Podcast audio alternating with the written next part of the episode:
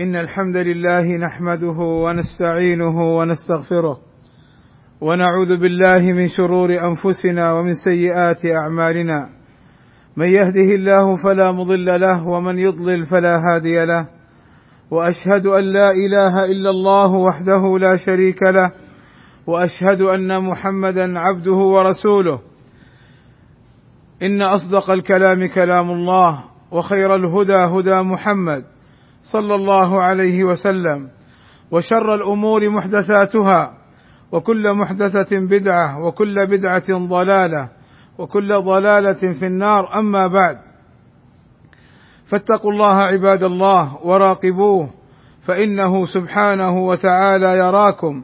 فلنحرص على أن يرانا محسنين غير مسيئين عباد الله. رغب النبي صلى الله عليه وسلم في الصف الأول حيث قال صلى الله عليه وسلم لو يعلم الناس ما في النداء والصف الأول ثم لم يجدوا إلا أن يستهموا عليه لاستهموا.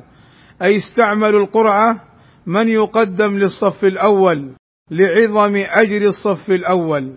وقال صلى الله عليه وسلم خير صفوف الرجال أولها وشرها آخرها وخير صفوف النساء آخرها وشرها أولها. والصف الأول أفضل من الثاني. قال صلى الله عليه وسلم إن الله وملائكته يصلون أي يستغفرون على الصف الأول أي لأهل الصف الأول. وكان النبي صلى الله عليه وسلم يستغفر للصف المقدم أي الأول ثلاثا وللثاني مرة. وتسوية الصف أمر مهم في صلاة الجماعة. قال صلى الله عليه وسلم سووا صفوفكم وحاذوا بين مناكبكم ولينوا في أيدي إخوانكم وسدوا الخلل فإن الشيطان يدخل فيما بينكم بمنزلة الحذف أي صغار الغنم أي يتلاعب بالصف في الفرجات كما تتلاعب الغنم في الفرجات. وقال صلى الله عليه وسلم سووا صفوفكم فإن تسوية الصف من تمام الصلاة.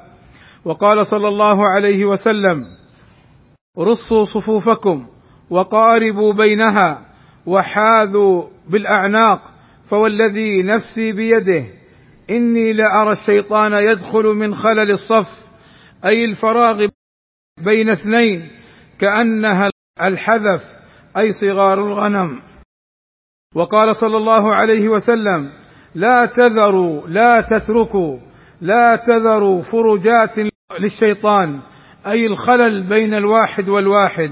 وعن جابر بن سمرة رضي الله عنه قال خرج علينا رسول الله صلى الله عليه وسلم فقال ألا تصفون كما تصف الملائكة عند ربها؟ فقلنا يا رسول الله وكيف تصف الملائكة عند ربها؟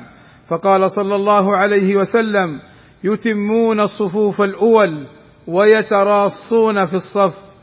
بل كان صلى الله عليه وسلم يأتي الصف من ناحية إلى ناحية فيمسح المناكب ويقول لا تختلفوا فتختلف قلوبكم. ورغب صلى الله عليه وسلم رغب المسلم أن يستجيب لطلب أخيه المسلم في تسوية الصف حيث قال عليه الصلاة والسلام خياركم ألينكم مناكب في الصلاة؟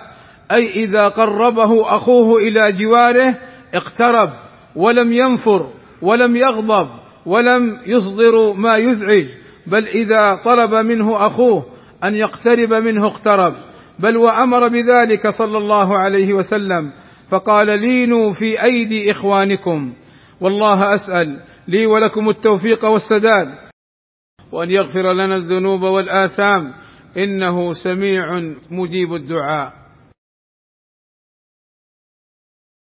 الحمد لله رب العالمين والصلاة والسلام على المبعوث رحمة للعالمين وعلى آله وصحبه أجمعين. عباد الله رغب صلى الله عليه وسلم في وصل الصف ولو بالتقدم إلى فرجة. فقال صلى الله عليه وسلم من وصل صفا وصله الله ومن قطع صفا قطعه الله. وقال صلى الله عليه وسلم ومن سد فرجة رفعه الله بها درجة. وقال صلى الله عليه وسلم ما من خطوة أعظم أجرا عند الله وأحب إلى الله من خطوة مشاها رجل إلى فرجة في الصف فسدها. وقال عليه الصلاة والسلام من سد فرجة رفعه الله بها درجة وبنى له بيتا في الجنة. عباد الله وبهذا نعلم أن المطلوب في الصف في الصلاة اولا استقامته وتسويته وعدم التقدم أو التأخر بين الواقفين في الصف الواحد وثانيا سد الفرج فيه وثالثا أن لا يبدأ صف جديد حتى ينتهي الصف المتقدم ورابعا التقارب. وسد الفراغات اليسيرة بين الاثنين وخامسا أن من حضر مبكرا للمسجد لا يجلس في الخلف بل يجلس في الصف الأول ليدرك فضله والصلاة فيه. عباد الله إن الله وملائكته يصلون على النبي يا أيها الذين آمنوا صلوا عليه وسلموا تسليما. فاللهم صل على محمد وأزواجه وذريته كما صليت على آل إبراهيم وبارك على محمد وأزواجه وذريته كما باركت على آل إبراهيم إنك حميد مجيد. وارض اللهم عن الخلفاء الراشدين أبي بكر وعمر وعثمان وعلي وعن جميع أصحاب النبي صلى الله عليه وسلم وعن التابعين لهم بإحسان وعنا معهم بمنك وكرمك يا أكرم الأكرمين. اللهم آتنا في الدنيا حسنة وفي الآخرة حسنة وقنا عذاب النار. اللهم فرج همومنا واكشف كروبنا ويسر أمورنا. اللهم اغفر للمسلمين والمسلمات والمؤمنين والمؤمنات الأحياء منهم الاموات اللهم وفق ولي أمرنا الملك سلمان بن عبد العزيز وولي عهده الأمير محمد بن سلمان لما تحبه وترضاه. وأصلح بهما البلاد والعباد واحفظهما اللهم من كل سوء. اللهم أيدهما بتأييدك ووفقهما بتوفيقك. وأعز بهما الإسلام والمسلمين. وصلى الله وسلم على نبينا محمد وعلى آله وصحبه أجمعين والحمد لله رب العالمين.